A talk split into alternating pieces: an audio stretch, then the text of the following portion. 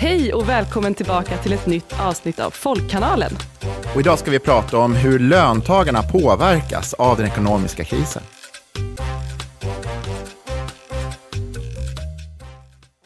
Vi är Folkkanalen. Vi struntar i det politiska spelet. I podden fördjupar vi oss i de riktiga problemen och ger lösningarna för vanligt folk.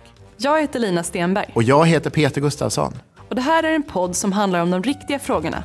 De som spelar roll på riktigt för vanligt folk.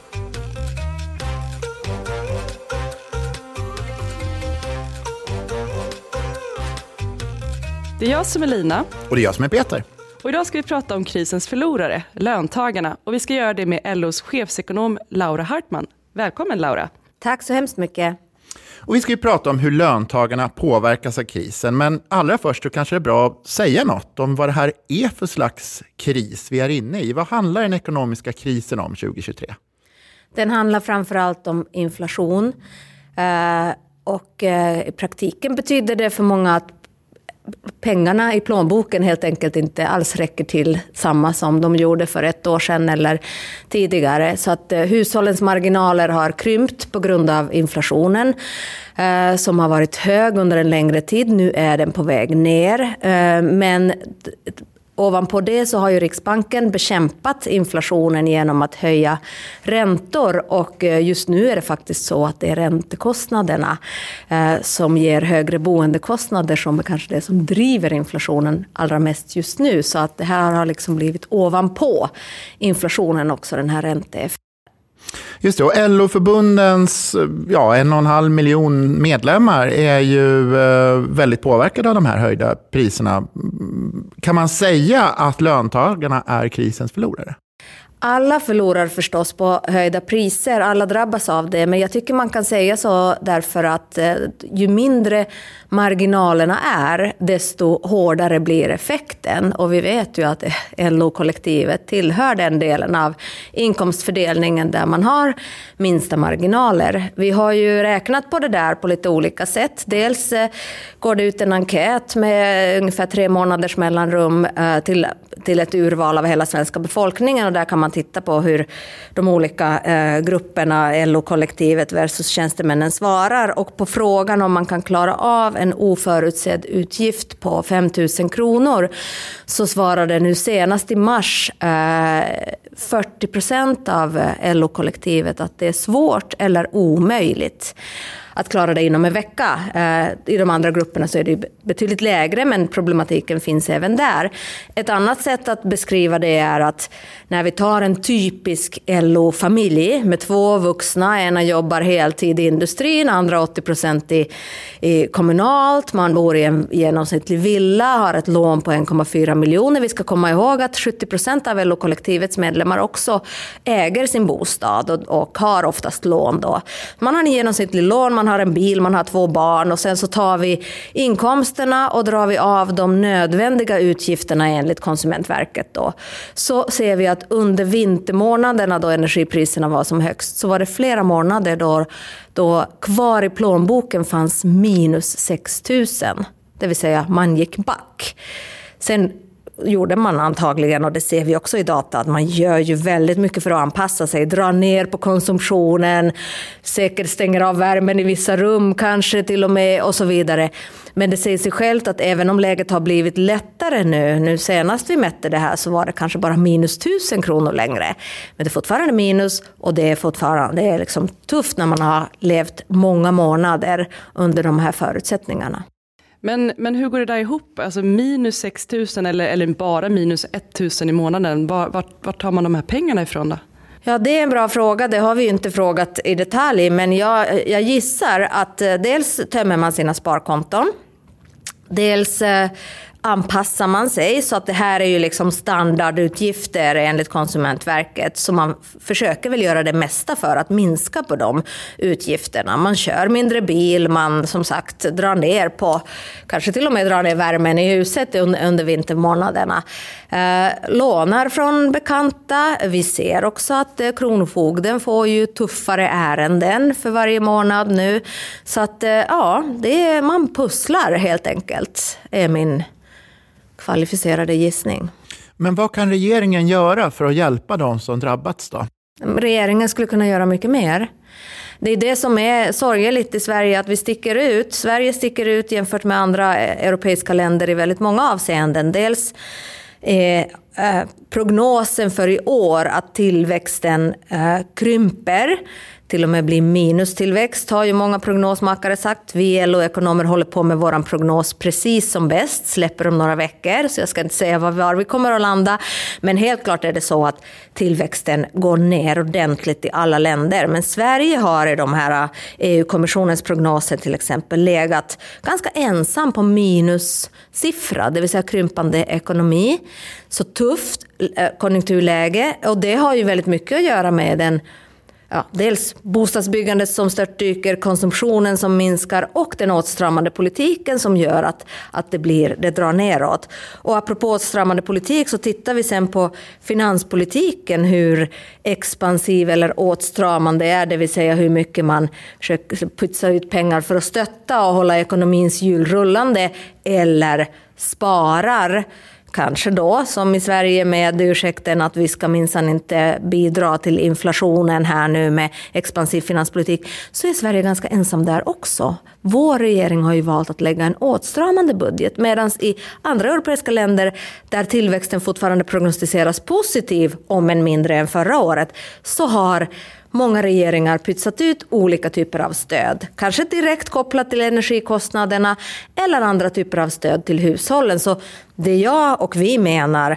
från LO-ekonomerna att man borde ju göra och helst rikta det också till barnfamiljer. Det är, studie efter studie visar att det är mycket barnfamiljer som har det allra tuffast. Så höjda barnbidrag, jobba med olika typer av bidrag, bostadsbidrag eh, och annat och också underhållsstödet så att de som inte har jobb eller har så låga inkomster att de kan få mer betalt. Pausa amorteringskraven. Det finns ju en rad åtgärder som man kan göra som riktar sig direkt till hushållen. Just det. Du har ju också varit kritisk mot Riksbanken, som du redan var inne på lite grann, för de räntehöjningarna som gjorts. Men gör inte Riksbanken bara sitt jobb när de höjer räntan? Ja, eh, på ett sätt ja. Det är ju inflationsbekämpningen som är Riksbankens uppdrag och räntevapnet är det allra främsta eh, vapnet som man kan använda. Problemet nu, och det som jag har varit kritisk mot, är att den här inflationen eh, är annorlunda många andra situationer där inflationen kommer av att ekonomin är överhettad, då alla har jobb, alla har mycket pengar, alla spenderar mycket och då är det klokt att kyla ner och försöka liksom lite grann dämpa den här köpfesten. Det var inte läget för drygt ett år sedan när inflationen satte igång. Ekonomin var ganska neutralt läge och det var ju de internationella energipriserna. Mycket invasionen i Ryssland, eller invasionen i Ukraina som gjorde att, att Ryssland ännu mer liksom började eh, dra åt gaskranarna och livsmedelshandeln eh, eh, eh, fick också sin stöt. Nåväl, det här rår ju inte den svenska riksbanken på att energipriserna internationellt stiger. Men det påverkar ju oss väldigt mycket och det har satt igång en prisökningskarusell. Eftersom allt är direkt eller indirekt beroende av energi så håller ju, liksom, har ju priserna börjat justeras utifrån det där. Eh, så, så räntevapnet är ineffektivt. Det det naturligtvis gör är att den, den drar ner, den kyler ner ekonomin, gör att hushållen kan konsumera mindre i volym och därigenom så får man ju förmodligen någon effekt så småningom i inflationen. Men den sker för en väldigt hög kostnad. För att det den här nedkylningen gör är precis en nedkylning. Tillväxten minskar, eh, arbetslöshetsriskerna ökar. Än så länge har vi sett en väldigt motståndskraftig arbetsmarknad men alla bedömare säger att förr eller senare kommer vi att börja se även de effekterna. Och då hamnar man ju liksom i en ond spiral. Ju fler som förlorar jobbet, desto, min, desto mer minskar konsumtionen. Investeringarna minskar ju också därför att räntorna drabbar ju även företagen, de som ska investera. Och i Sverige så har vi ju till skillnad från många andra länder en lönebildningsmodell som vi nu efter många tuffa förhandlingar och om och men under den här vintern har rott i hamn. Märket är satt. Den så kallade prislönespiralen som ju egentligen behövs för att en inflation verkligen ska sätta sig i en ekonomi så måste liksom lönerna justeras upp över inflationstempot och sen kommer prisjusteringar uppåt igen därför att företagen kompenserar för de högre, högre lönekostnaderna. Lönerna ökar igen, ni vet, den här spiral som vi har sett på 80-90-talet. Men den risken är avvärjd i Sverige. Vi har avtalen två år framåt på plats. Dessutom har inte den fulla effekten av de liksom gjorde, man har ju höjt räntan i väldigt, väldigt högt tempo. Eh, sen förra våren. Eh, och med tanke på den höga skuldsättningen också som svenska hushåll har så får det här en jättestor effekt i plånböckerna. Men den kommer med en viss lägg. Även om många har rörliga lån så har ju folk också bundna lån och det är en stor andel av lånen som kommer att omförhandlas i år. Det vill säga den här effekten av högre styrräntor kommer mycket också under året. Så vi har menat också att man borde ha haft lite mer is i magen och väntat och se vad de gjorda räntehöjningarna får för effekt. Men nu blir risken att det blir en jätte-ketchup-effekt. Så det finns många argument för att Riksbanken borde ha tagit det lugnare. Och i grunden handlar det, jag brukar säga att det är en medicin som man använder, räntan alltså, som är relativt ineffektiv mot den här typen av sjukdom, den här typen av inflation, men den har allvarliga stora biverkningar. Och det behöver man liksom ta hänsyn till. Och du var ju nyss också inne på att räntehöjningarna i sig höjer priserna. Att man får betala mer för sitt boende. Precis, och det där har ju blivit lite debatt kring och vissa menar att det är liksom den här räntehöjningarna leder till mer inflation. Och då tänker jag att även om det låter lite akademiskt och teoretiskt, men jag menar ändå att man måste skilja på kort sikt och lång sikt. Alltså på kort sikt så är det helt klart så att högre räntor leder till högre boendekostnader och andra kostnader också där lån är involverade. Och då blir ju liksom den varukorgen eller eh, tjänstekorgen som man köper och betalar för dyrare. Men i förlängningen så är det ju inte så att, att högre räntor leder till långsiktigt högre inflation, utan det här kyler ner och så går konsumtionen och investeringarna ner. Många gör ju paralleller till eh, 90-talskrisen och eh, inte bara liksom hur det slog just då, utan att det också fick långsiktiga konsekvenser, inte minst på jämlikheten. Vad tänker du kring det? Ja, jag är bekymrad. Eh, vi har, jag menar, tittar vi på jämlikheten så har den ju nalkats av under lång tid. Eh, så det är ju inget som liksom problematik som uppstår här och nu. Men vi ser redan nu att jag menar, ju större klyftorna, ju större den här gruppen är som har de eh, minsta marginalerna, desto tuffare blir det ju för dem i den här typen av kris. Men vi vet också att egentligen alla kriser arbetslö- eh, slår hårdast för dem som ligger liksom längst ner i inkomstfördelningen. Arbetslöshetsriskerna är större i LO-kollektivet än i tjänstemannakollektiv. Det finns naturligtvis undantag. Arkitekterna är ganska oroliga nu, liksom byggsektorn överlag, därför att byggandet, bostadsbyggandet störtdyker ju. Vi har 25 000, prognosen är att det blir 25 000 nya projekt som startas i år. Det var över 70 000 i fjol. Så att det, är liksom en, man, det minskar till tredjedel. Men, men det är klart att det finns undantag även i liksom akad akademikergrupperna. Men arbetslöshetsrisken är störst, marginalerna är minst så prisökningarna slår hårdast och alla de liksom sidoverkningar då som sker för att man inte har råd att satsa på sin hälsa, satsa på det som, som skulle behövas. Dessutom ser vi ju nu att kommunerna och regionerna går på knäna. Och det här året kommer att bli jättetufft. Jag deltog i ett seminarium hos SKR där de presenterade sin ekonomirapport och där chefsekonomen frågade publiken som bestod av kommunpolitiker från hela landet, det var jätte, hundratals representanter där, och I väldigt många kommuner så planerar man neddragningar nu. Det vill säga välfärden kommer att drabbas. Det drabbar medarbetarna men det drabbar naturligtvis eleverna, de äldre i äldreboendena. Allt som alla liksom klienter, eh, medborgare som tar del av de här tjänsterna. Och gör det tuffare. Jag menar, den är ju otroligt viktig för vår arbetslinje också. Att man ska kunna lämna sina barn i en högkvalitativ förskola eller skola och kunna gå till jobbet eller sina äldre i äldreboenden. Och ju sämre det där funkar, desto mindre funkar det ju för oftast tyvärr kvinnor då att ta hand om sitt jobb fullt ut. Vi har pratat nu om Riksbankens roll för att hålla nere inflationen. Har regeringen något ansvar? Kan regeringen bidra till att hålla nere prisökningarna? Jag tror, vi brukar säga lite, lite skämtsamt, men inte, eh, inte så, att eh, det här äh, kvartssamtalet, om man kallar det, när Svantesson ringde till de tre matjättarna och sa att nu måste ni komma till departementet för ett allvarligt samtal. Äh, att det kvartssamtalet hade nog enskilt äh, ganska viktig effekt. Alltså bara visa det här ledarskapet. Vi håller ögonen på er. Om ni inte sköter er så kommer vi vidta åtgärder. För den här, även om orsaken, i grunden var ju energikrisen, så har ju den här situationen med väldigt kraftigt och snabbt ökande priser också lett till en till en situation där liksom prisankarna har försvunnit. Alla vi har väl någon produkt som vi, eller några produkter som vi har god koll på vad de kostar när vi går och handlar. Och kostar det i den här butiken mycket mer så vet vi att nej men hit ska vi inte gå, vi går till den.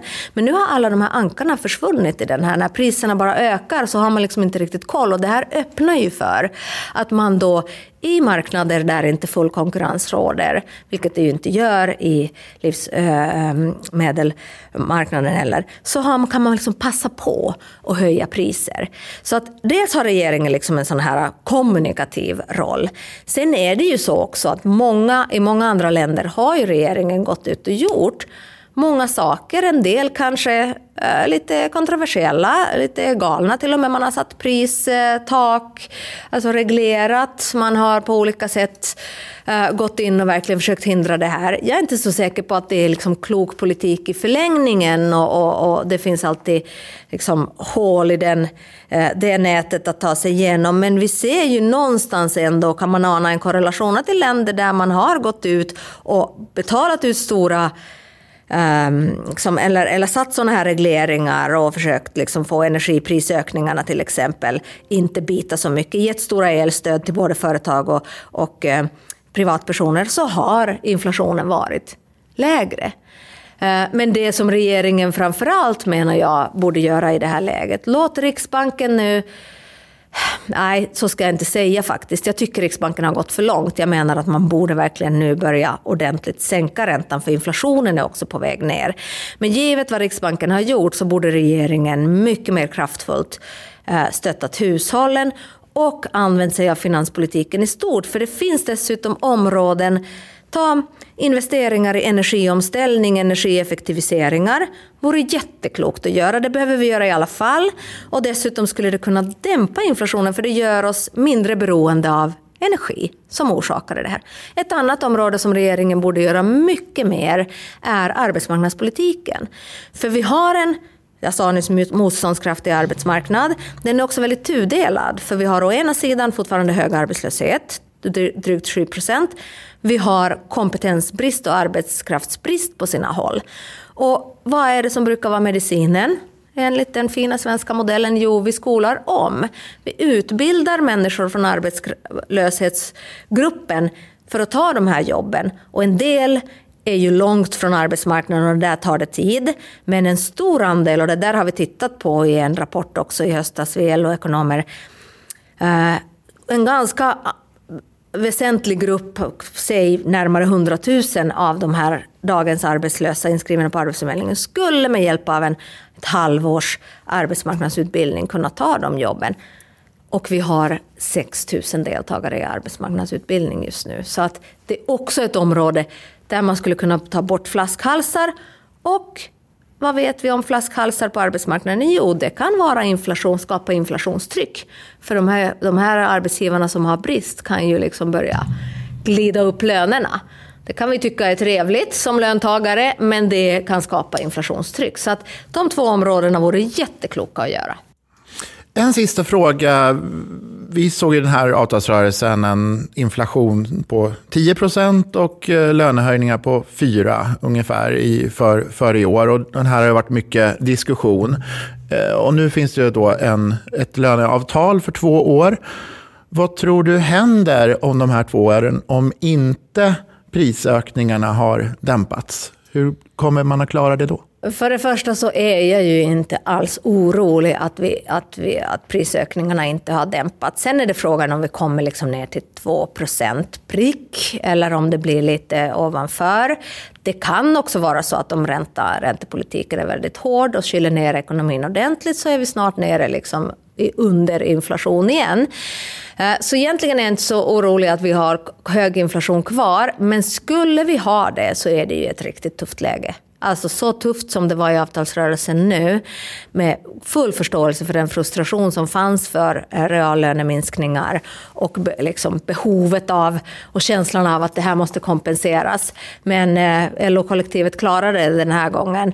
Men det är klart att om två år eh, så är det är det mycket svårare läge. Och vi ser ju också att i andra länder så blir det ju, många av för oss viktiga handelspartnersländer, så blir det ju, har det blivit högre löneökningar. Och där får vi nog avrunda. Vi har haft ett samtal, ett mycket spännande samtal med Laura Hartman, LOs chefsekonom, där vi har pratat igenom och verkligen borrat ner oss i hur inflationen drabbar löntagarna i krisen. Har du några sista ord, Laura? Nej, jag vill bara tacka för att jag fick komma till er eh, nya eh, fina podd. Så eh, tack för inbjudan.